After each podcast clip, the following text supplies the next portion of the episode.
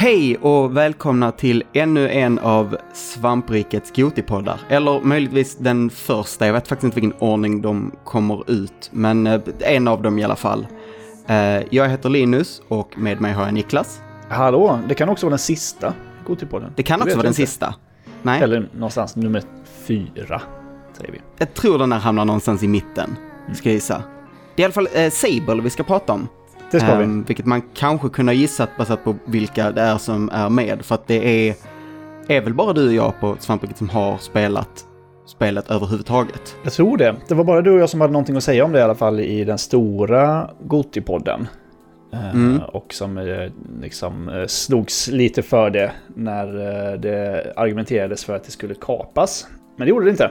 Nej, eh, och jag har faktiskt en punkt som vi kommer till lite sen där, vi, där jag tänkte vi ska diskutera lite. För det här, det här spelet kom med lite på nåder eller liksom eh, precis på slutet och var nä- väldigt nära att, att inte komma med. Så jag tänkte vi ska diskutera lite va- varför. Precis. Men jag tänker vi börjar med eh, lite allmän info om, om spelet. Det här är ju ett spel som eh, utannonserades 2017, tror jag. Mm. Och har varit ganska mycket en snackis ända sedan dess. Det är liksom ett sånt spel som bara direkt när man såg det så började, blev folk väldigt intresserade. Det är utvecklat av Shedworks, vilket är en liten indie-studio. Det är deras första spel. De består huvudsakligen av, av två personer. Vilket gör det till ett väldigt ambitiöst projekt att göra ett open world-spel.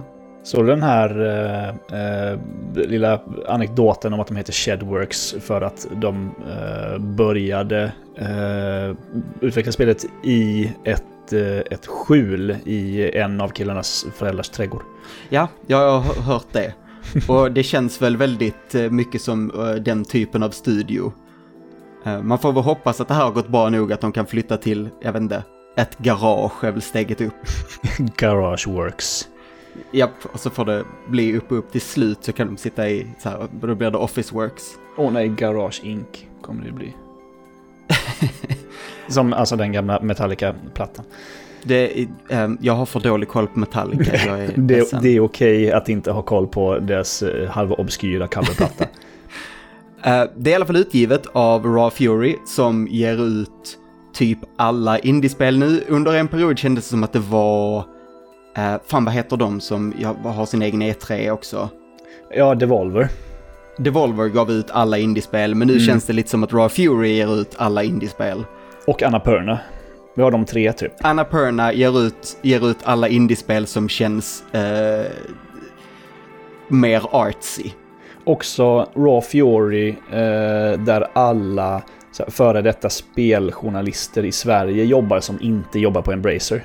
Ja men precis, det känns som att hälften av mitt Twitterflöde har utannonserat de senaste två åren att de har börjat på Raw Fury. Japp. Vilket väl, ja, kul för dem antar jag. Ja, det är ju uppenbarligen eh, ett trevligt folk då eftersom de har av någon anledning börjat följa dem tidigare. Ja, och eh, en trevlig studio. Va, vad vi vet nu, om det här kommer ut efter, eller ni lyssnar på det här efter att det har kommit en jättestor story om, om en skandal på Raw Fury, så eh, distanserar vi oss helhjärtat från Raw Fury och säger skäms. Men än så länge, inga, inga skandaler därifrån, vad jag vet. Vi är ju inget om inte kappvändare i alla fall. Precis. Det är ju ett som är säkert. Spelet är som sagt ett eh, open world-spel eh, och har tagit tre huvudsakliga inspirationer och det är eh, Star Wars. Eh, specifikt är det inspirerat av idén om eh, Ray i början av Star Wars The Force Awakens aldrig hade lämnat Jakku utan bara levt sitt liv där. Precis, den här ökenskrotplaneten. Precis, och man, man kan ju se det väldigt mycket att det, det påminner om tidigt i den filmen. Liksom man klättrar runt i stora skepp på samma sätt som hon gör. Eh, man åker runt på en glider på samma sätt. Det är liksom en väldigt... Det, det, man ser absolut den inspirationen. Man har också tagit inspiration från, eh, man har liksom gått lite till Star Wars rötter, för Star Wars är till viss del inspirerat av den franska konstnären Mobius, som en serietecknare. Och det kan man också väldigt tydligt se, både i designen och i den väldigt specifika cell-shadade grafiken. Ja men precis, verkar stilen i Sable bekant? men man inte så här kommer på så, men vem är Mobius? Så kan man bara bildgoogla Mobius och så säga aha, okej, okay, ja, ja, jag vet. Mobius är en sån konstnär som, även om man kanske inte har hört namnet, så har man antingen sett grejer han har gjort eller sett grejer inspirerade av vad han har gjort. Oh ja. Väldigt tydligt. Den här grafiska stilen har vi också pratat om lite i, i podden och så det. Den är väldigt snygg i rörelse.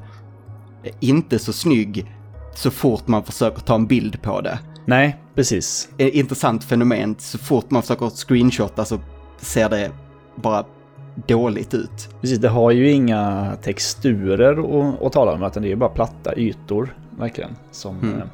Ja, nej, det är ju som du säger i rörelse som det är extra, extra fint. Och det är imponerande hur de har lyckats utan texturer få fortfarande saker att se distinkta och tydliga ut. Um, för jag tänkte lite på visst tillfälle att det var, det var fascinerande att de med så få färger lyckades göra så att det inte bara såg ut som en blobba. Man såg liksom vad som är långt borta och vad som är nära ändå. Mm, absolut. Mm. Uh, den sista inspirationen som märks mest i gameplayet är ju uh, Breath of the Wild. Uh, vilket är tydligt både i hur viss design, klättringen och även vissa, inte dungeons men ja, små områden man hittar som är lite lika de här man klättrar ner i i Zelda Breath of the Wild. Precis, det är väldigt mycket det här helt öppen värld. Du kan ta dig vart du vill och så hittar du en liten grotta och så mm. är det någonting där inne. Eh, massa små saker så.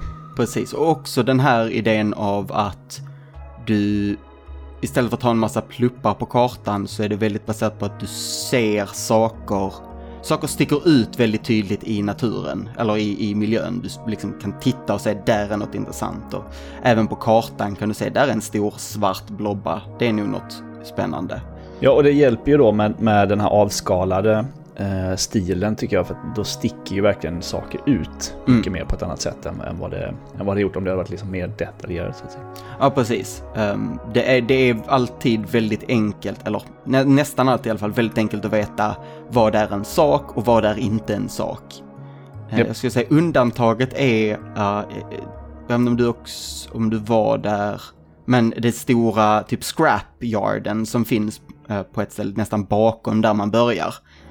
Mm. Där det finns bara hundratals skepp och hjärnan blev lite overloadad av liksom Ska man undersöka alla eller? För tidigare har det varit att det har funnits någonting i varje sånt där eh, kraschat skepp liksom, mm. som man har hittat. Men eh, det är inte fallet riktigt där då. Nej.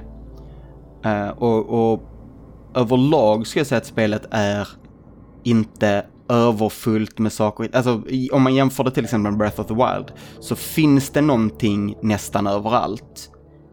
Medan i, i Sable så är det ganska få saker. Det finns ju många av de här Choom Eggs, men... Ja, just det. Men ändå inte liksom överdrivet många och det finns inte överdrivet många gömda saker. Och det är väl också... Det, det, är väl by design så att säga, för det är ju inte ett spel som handlar om att, att hitta hemligheter och sådär, utan det är mycket mer ett spel som bara handlar om att uh, utforska liksom en, en öppen yta och, och fundera lite. Typ. Mm. Tankeväckande är det väl nog mer, mer tänkt att vara en, en liksom utmanande spelmekaniskt och, och, och sådär. Precis, det finns ju inga strider exempelvis utan det som har lite liksom svårigheter det är väl lite pussel och eh, klättringen. Um, framförallt klättringen. Ja, framförallt klättringen. Och framförallt, jag tror både du och jag upptäckte, upptäckte att man kan uppgradera sin stamina och klättra bättre och mer väldigt sent. Japp. Efter att jag hade tagit mig upp på hela det här eh, jättehög... Det är massa liksom, bergsformationer som sitter ihop med jättestora skelettdelar ungefär. Ja, eh, så jag liksom med. Allra högst upp på kartan. Där tog man sig upp innan man insåg att aha, jag kan ju uppgradera min stamina till dubbelt så mycket. Ja, jag tycker det är lite märkligt, för som vi sa, väldigt många saker är väldigt tydligt utmärkta på kartan. Du kan liksom titta på kartan och se, här är något intressant mig. Mm. Det stället där man kan uppgradera är inte tydligt alls. Det är en av få saker jag googlade fram för att ta reda på, okej, okay, hur fan... Jag med. för jag förstod ju att man skulle göra något med Shoemaker när jag var uppe i, jag vet inte, hundra stycken eller någonting, Mhm. kanske inte så, men jättemånga.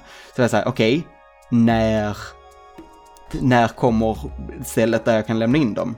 Och det är ju väldigt nära en av de första platserna man besöker, bara inte jätte, liksom, utstickande.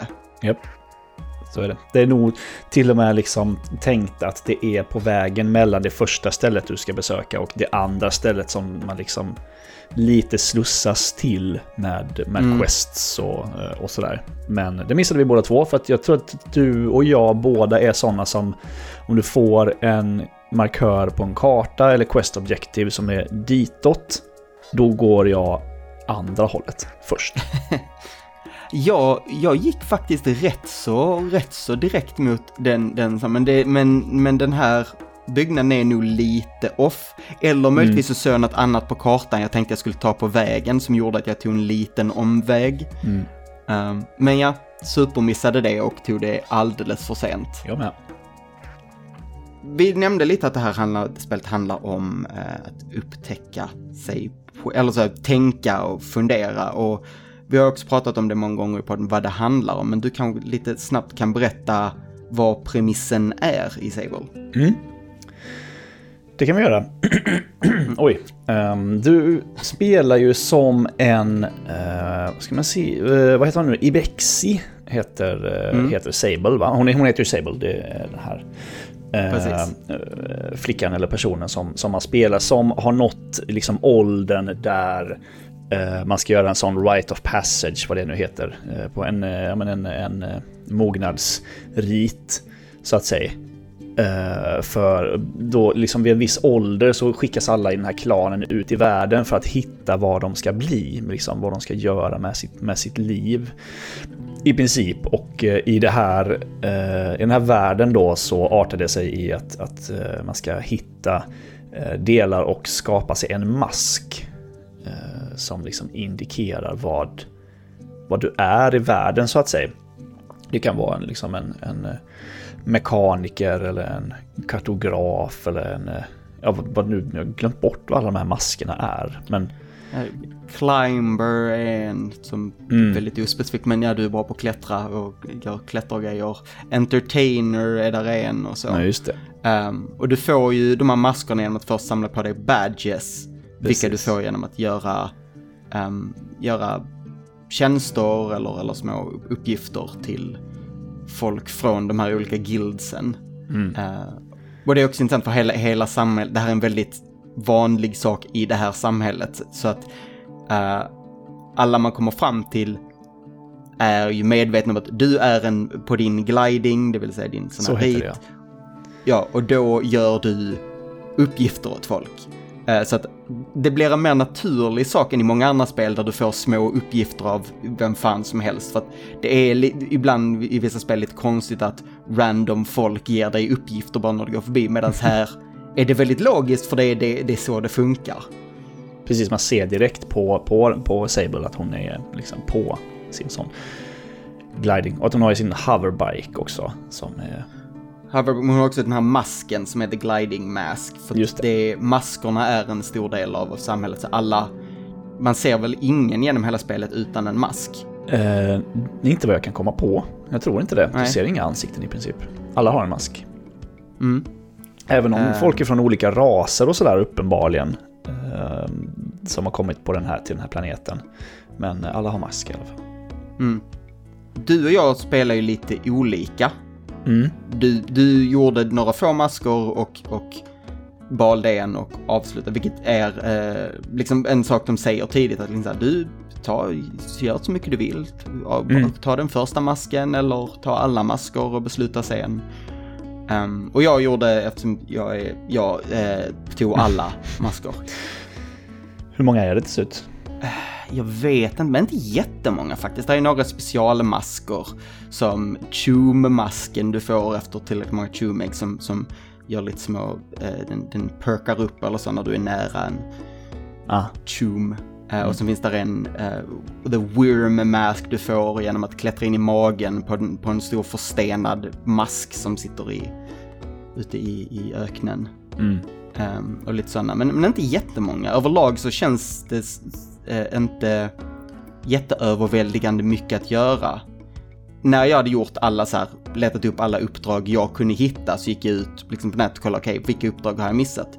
Men jag tror faktiskt jag hade liksom bara, genom att röra mig runt i världen, plockat upp och gjort alla uppdragen. Mm. Så det fanns inte så här mycket väldigt svårfunna grejer, vilket jag uppskattade. Precis, det är ju väldigt mycket tom yta eh, mm. av, av, av en anledning i det här spelet. Liksom. Det är verkligen... Eh, det är inte bara det här att du rent spelmekaniskt ska, ska hitta vad du ska bli för yrke liksom, eller göra, utan det är också väldigt mycket så att du uppmanas att du ska ut och hitta dig själv och reflektera mm. över vem du är och vem ska du vara i det här samhället då som, som, eh, som Sable lever i. Och det, det blir ju väldigt, heter det kontemplativt på, på svenska? Mm. Eh, men tänk, tankeväckande i alla fall just det här att du, du glider över de här sanddynorna liksom i, i vad som ibland känns som evigheter. Eh, och får lite, lite tid att fundera liksom. Och det hjälps ju av att spelet är väldigt välskrivet. Ja skulle jag säga, bättre än spel oftast är. Alltså mm. alla dialoger känns ganska, ja nästan, nästan poetiska men utan att kännas alldeles för pretentiösa. Det är inte högtravande. Nej, precis, utan väldigt trevliga. Det var väldigt, det var alltid det var aldrig så att jag kände att Gud slutar prata så mycket, utan det var lagom mycket och det kändes alltid intressant och mysigt. Många mysiga karaktärer. Mm. Och allting känns som att det passar i, i den här världen. Den är väldigt trovärdig, tycker jag. Mm. Uh, det skulle kunna vara... Jag menar, det är liksom inte som att man har skrivit Eh, karaktärer som, som de hade pratat liksom, om man levde idag på jorden. Utan det känns som att det sättet man har skrivit på passar den här märkliga ökenplaneten. Som jag, jag vet inte, kom du in mer i, i liksom i den här planetens eh, backstory så att säga. Varför är folk där och vad är det med de här rymdskeppen överallt då? Det var faktiskt det jag tänkte komma in på lite när jag nämnde att vi hade mm. spelat olika. För jag, jag grävde ju lite mer i spelens backstory. Jag skrapade mest på ytan på det faktiskt. Ja, eh, men de berättar rätt, inte jättemycket, men man får liksom rätt mycket veta varför människorna är där i alla fall. Mm. Så den här ö, ökenplanet man är på har någon slags kraftfält runt sig. Um, som verkar komma från någon tidigare civilisation. Mycket av de här ruinerna man kan hitta är väldigt uppenbart från, inte från människorna som bor där nu, utan någonting tidigare, vad det verkar. Mm. Um, och någonstans i rymden utanför den här planeten finns en jättestor eh, mänsklig rymdbas. Um, som ägs av något företag, tror jag. Uh, och vid någon tidpunkt, sketa långt bak i tiden, så var det ett stort skepp, det här som är The Whale, som skulle flyga till den här planeten och eh, jag tror se om den kunde liksom bli terraformad. Um, men på grund av den här skyddsenergibarriären så kraschade de. Mm. Och det är då all del av de här skeppen är om man, man tittar i dem så kan man se till exempel att alla lådorna är märkta med eh, så här, eh, att de är från London. Mm. Så liksom har en, en direkt koppling till, till vår värld. Eh, och, en, och en, en, väldigt intressant sak med det är att de faktiskt förklarar ursprunget till maskerna. För att när skeppen kraschar så under de första, jag vet inte, tusen åren, det blir jättelång tid. Och det är ju post-post-apokalyps så att säga. Eller ja, det är inte Precis. apokalyps ens, men ja. Ja, lite för att, för att under den första tiden så de här skeppen innehåller jättestora kärnkraftreaktorer. Just det. Gjorda för terraforming. Och de typ sprängs upp och hela planeten är täckt av strålning. Därför måste alla när de går mellan skeppen ha masker. Ah. Nu verkar den strålningen vara borta, för de maskerna de har idag är ju inte, är ju inte på något vis strålsäkra, men det har liksom kommit vidare och ner igenom kulturen. Mm. Eh, vilket är ett rätt häftigt koncept. Jag, tyck, jag tyckte det var lite så här, när, när jag hittade det så här, oh, det var lite eh, spännande. Mm. Det är ju svincoolt, det hade jag faktiskt ingen, ingen aning om. Men det, det, är ju, det får ju det ännu mer att kännas som ett spel som har... Jag gillar när spel har en story och en lore. Men att det är uppenbart att det finns mycket mer lore som alltså, eh, utvecklarna har tänkt större än bara precis det som skrivs i text eller sägs i ett spel. Mm. Eh, Souls-spelen är, ju- är ju samma också. Liksom. Det finns, finns uppenbarligen en sån lore bible liksom, som man kan dra saker ur. Då känns det ju världen mycket mer trovärdig och mycket mer bebodd. Liksom, för att det finns ett svar på nästan varje fråga man, man kan komma på, känns det som. Ja, precis. Den här saken med maskerna är ingenting de säger rakt ut, utan det är, man får reda på att det är en, en kapten från den här gamla tiden sa att ja, men vi kommer ju behöva ha masker på oss i, i, för den här strålningen väldigt länge. Och då liksom drar man den kopplingen. Och, och medan man får reda på mer om människorna så får man reda på väldigt lite och nä, nästan ingenting om den kulturen som uppenbarligen har funnits där tidigare. Mm. Um, man till exempel upptäcker, eh, eller jag, jag höll säga rätt sent spelet, men det beror på i vilken ordning man gör saker, men ett ehm, planetarium. Mm. Där var jag, tror jag. Ja, som var riktigt häftigt, som vad jag tolkade i alla fall var från någon äldre kultur. Mm. Man fick reda på väldigt lite om det. Ja. Men mycket, mycket av den här kulturen är liksom integrerade i människokulturen, men de verkar inte ha så stor koll på ursprunget. Till exempel anledningen till att det heter The Gliding är för att man har The Gliding Stone som gör att man kan eh, sväva och inte tar någon skada från fall från höga höjder. Och den kommer ju från den här gamla kulturen då, på, nå- på något vänster.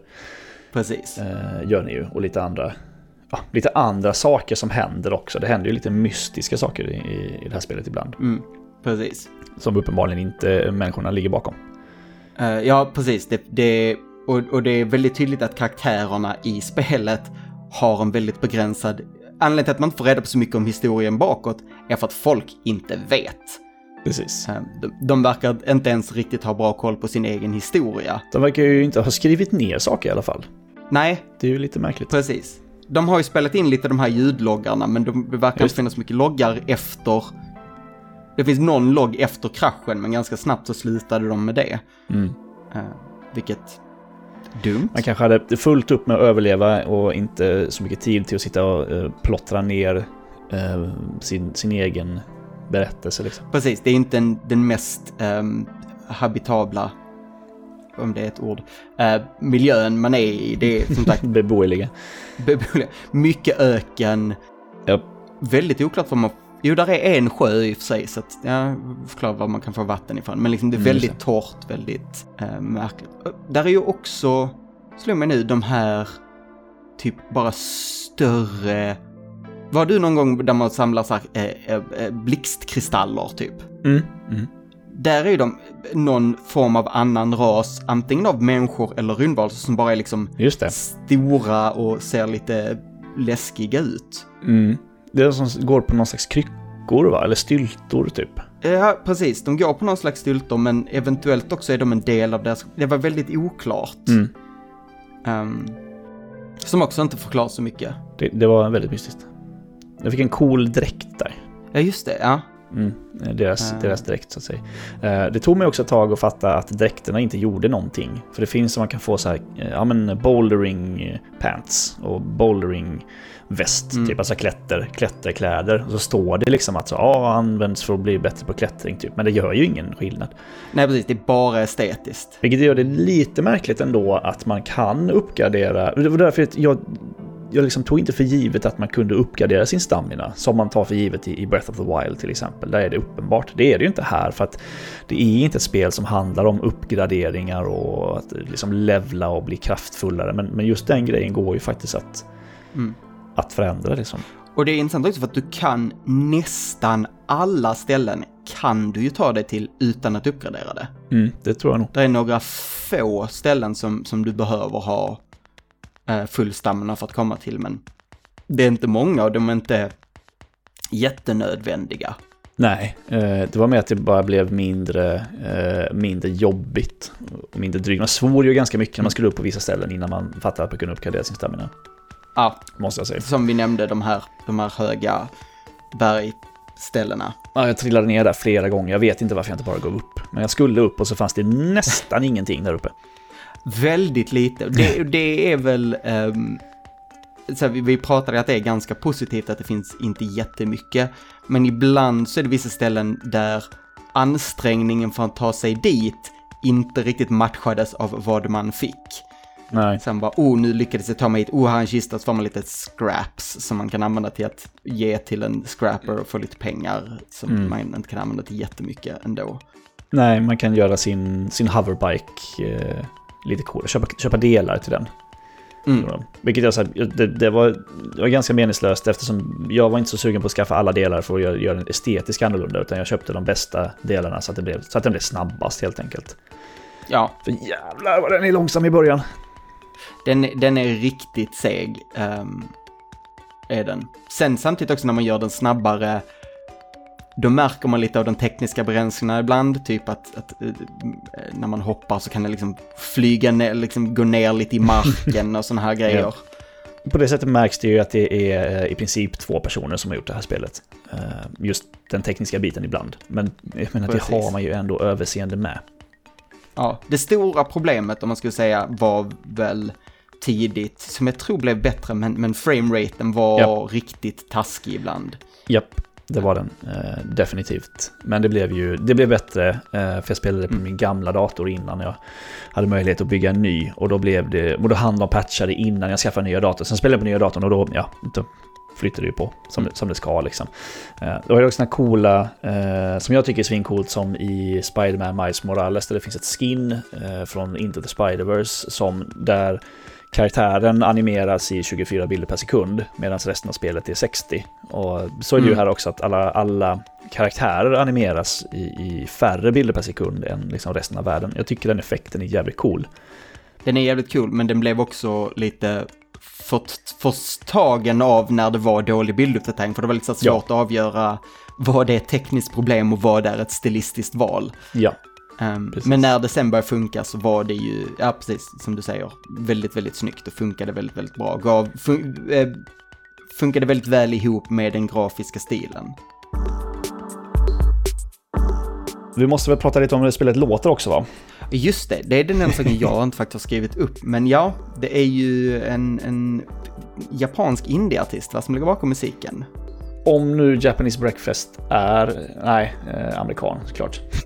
Aha, okej, okej, det är bara jag som har då antagit. Ja. Ja, okej. Men Japanese Breakfast, jag hade inte, tror inte att jag hade hört talas om dem innan eh, innan jag hörde, jag såg trailers för det här och det var liksom, de, de pushade ju det lite som en grej att åh, music by Japanese Breakfast liksom. Jag bara, fan vilka är det? Men de verkar ju ändå vara, de har ju hållit på ett tag, det verkar vara ett ganska stort eh, band ändå som har legat på topplistor och, och så. Men väldigt indie-kreddiga Ja, känns de. väldigt, eh, väldigt, väldigt indiekreddiga, väldigt så, eh, vad ska man säga, tidigt 00-tal, mitten på 00-tal, indiefilm, eh, credit sådär, Juno, eh, liksom Napoleon Dynamite, den, den sortens indie-credit typ.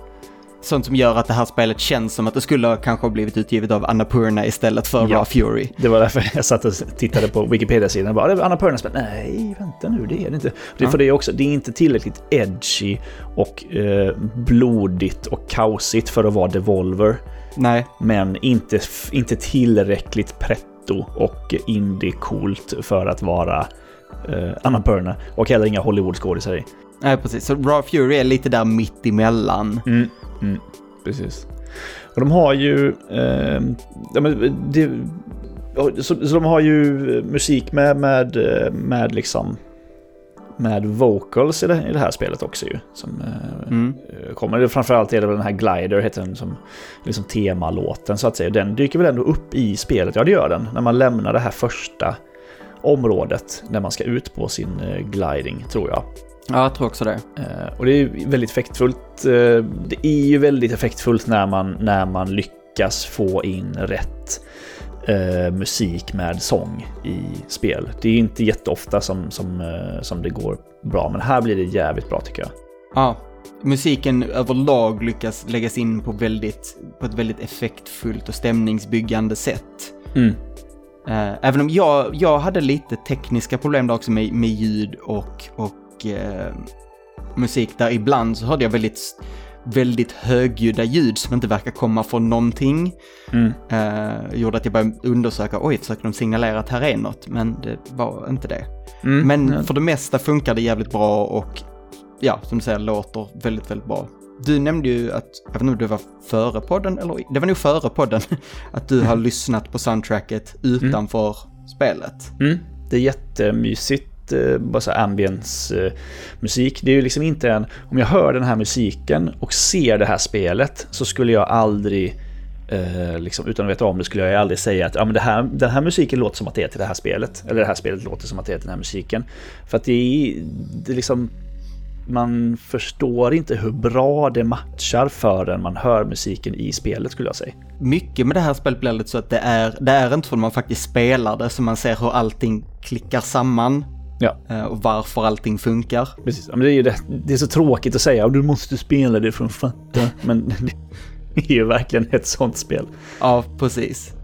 Jag tänkte vi skulle, vi skulle, jag nämnde tidigare, prata om um, varför det här spelet nästan inte kom med. Just det. För det var eh, närmare än vad många tror, för jag var precis på väg att föreslå att det skulle, att vi skulle stryka det som sista spelet att stryka när fokus plötsligt skiftade över till Hitman 3 och jag bara mm. tystnade och höll tyst och lät det, lät det bero.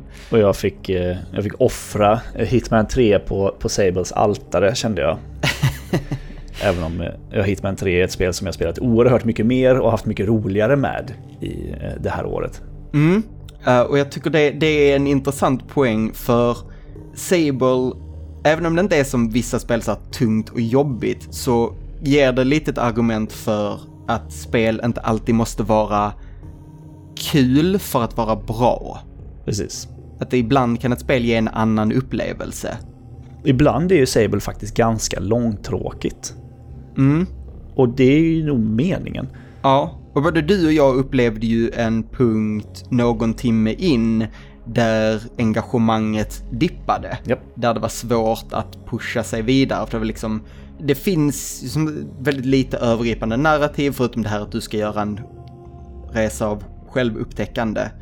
Och du måste själv vara väldigt drivande, även om du har från början ett, ett, ett antal uppdrag du kan gå efter så måste du ändå vara väldigt drivande själv för att liksom upptäcka världen och göra sakerna och mm. vi båda dippade lite i det engagemanget eh, tidigt innan vi kom tillbaka och kom mer in i det.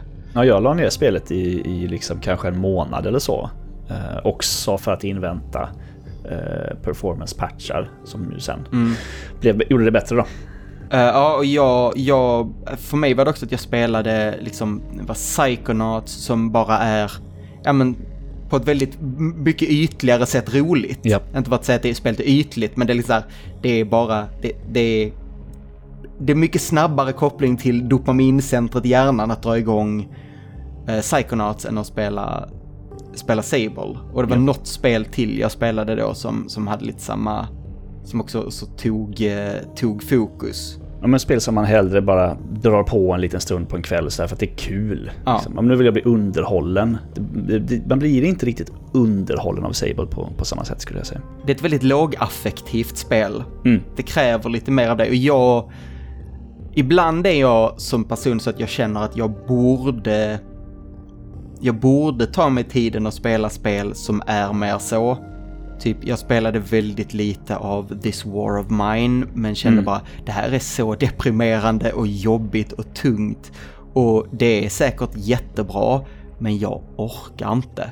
Ja, ofta är ju de spelen som, som där det är tänkt att ja, du ska tänka efter och reflektera. Så de spelen är ju ofta på det temat. Ja, det är ju liksom folk i misär och det är barn som far illa och allt är bara åt helvete. Du ska tänka på, på liksom att ja, men man är nog lyckligt lottad ändå. Och så här. Men här är det ju... Ja. Det, som du säger, det är ju också jobbigt. För att man, man börjar ändå tänka ganska mycket på, på sig själv och på sin egen situation och sådär. Eh, men stakesen är inte då att folk dör och svälter. Utan det är mer så här, åh oh, shit, vad fan, vad ska, vad ska jag göra med mitt liv? Liksom. Alltså folk har ju det faktiskt ganska bra i den här världen, vilket är, mm. är ganska skönt. Folk verkar inte svälta och sådär. Nej, precis. Eh, de har det ganska fint trots att de bor ute i, i öknen. Uh, och de har liksom kommit över den här, uh, jag gissar första generationen av att må skit av att inte kunna komma därifrån. yep. Men som du säger, man börjar tänka väldigt mycket på, det är ju en, en jag har beskrivit det som um, typ det bästa spelet som fång... Eller spelet som är, jag har spelat i alla fall som är bäst på att fånga känslan av att flytta hemifrån. Mm. Att bli sin egen person, att hitta sin egen identitet, uh, vara långt borta ifrån den säkerhet man kände innan. Den typen av känsla, även om det är väldigt, väldigt, liksom det är väldigt sci-fi, väldigt långt ifrån verkligheten, Mm. så är upplevelsen väldigt universell och mänsklig. Mm, men jag tror att de flesta har ju nog den upplevelsen någon gång i livet. Om det nu är så ja, efter gymnasiet eller efter man har, om man har pluggat vidare eller om du liksom plötsligt kanske senare i livet om man blir av med ett jobb eller, eller liksom ett förhållande tar slut eller något sånt där. Att man står där och liksom bara, jaha okej nu har jag hela så här, världen för mina fötter. Vad, vad ska jag hitta på nu då? Precis. Hur läskigt det är med för mycket möjligheter på sätt och vis. Japp. Det är samma sak som man saknar eh, orimligt mycket när man inte har de, dessa möjligheter längre. Precis. Eh, Det, det ser man också så här, alla, alla, man träffar yngre, man träffar både yngre och äldre karaktärer. De yngre karaktärerna ser väldigt mycket fram emot sin gliding och äldre karaktärer saknar den. Mm. Samtidigt som du som är i den inte kan uppskatta den på samma sätt. Nej, precis. Vilket är ett rätt så häftigt grepp. Precis, så vi, vi kommer fram till att det, liksom, att det var viktigare för det här spelet att vara med på vår lista än ja, men Hitman 3 till exempel, eller några andra spel som, som vi kapade där på, på slutet. Ehm, även om det inte är det spelet som man har haft roligast med. Så det, det känns som att det ska ju vara med här. eh, På något Mm. sätt. Det ska ges props till eh, Sable tycker jag. Eh, att det ändå, det blev ett, ett, ett spel till slut efter ganska många år och, och det blev ändå troligtvis inte vad folk väntade sig men eh, det har ju fått bra kritik från de flesta håll och folk liksom har, men, många som skriver det här att det, det är just ett, men ett spel som får en att tänka lite, lite extra. Mm, och det är väl kanske något man inte ser jätteofta i spel. eh, om man inte söker upp väldigt specifika spel. Nej, precis. De flesta liksom, popul- populära spel, där har ju spelutvecklaren har ju tänkt åt dig. Ja, Så att säga. precis. Du, ska inte, du åker bara med. Hade, hade väldigt kul med Halo Infinite, men det var inte så att jag liksom kontemplerade världen och min plats i den till någon större utsträckning. Nej, inte riktigt va? Det var lite vad jag hade tänkt att vi skulle säga om det här spelet. Jag vet inte hur lång tid vi pratat nu, men en, en 40 minuter ungefär var väl vad vi tänkte. Mm. Och det känns som att vi har, har gått igenom och pratat både om vad som var bra med det här spelet, vad som var mindre bra och eh, varför det var en upplevelse som jag vill inte säga att det var svårsmält, alltså, men liksom lite svårare kanske att ta sig till än, Mm. än andra spel i år. Och jag tror väl vi har gjort ett ganska bra argument nu för varför det här är ett av 2021s 10 bästa spel. Ett spel som jag skulle tro också eh, gynnas ganska mycket av att ligga på Game Pass, som med väldigt många andra spel. Ja, verkligen. Eh, att det, jag vet inte om lika många liksom hade sett det och bara wow, det här ska jag lägga pengar på och köpa. Men det är väldigt lätt att bara trilla in i och, och testa, så att säga. Ja, precis. Så väl värt stor rekommendation uppenbarligen. Japp. Och eh, om ni känner en liten dipp några timmar in så kanske ge det ändå ett försök till så, så kommer det nog komma igång. Mm, eller ta en liten paus som, eh, som vi gjorde och, och eh, tänk lite på det och, och hoppa på sen igen kanske.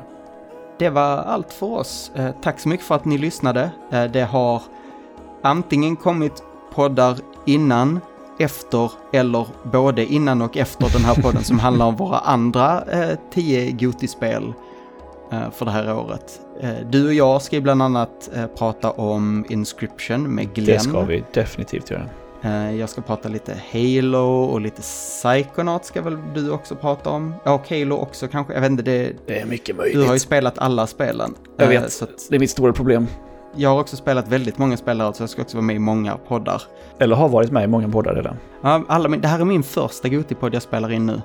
Japp, min med. Men, eh, men ja, det, det finns mycket att lyssna på. Så eh, se fram emot det. Eller hoppas ni hade kul med det innan. Mm, just det. Tack för mig och eh, tack för oss. Tack så mycket. Hej! Hej!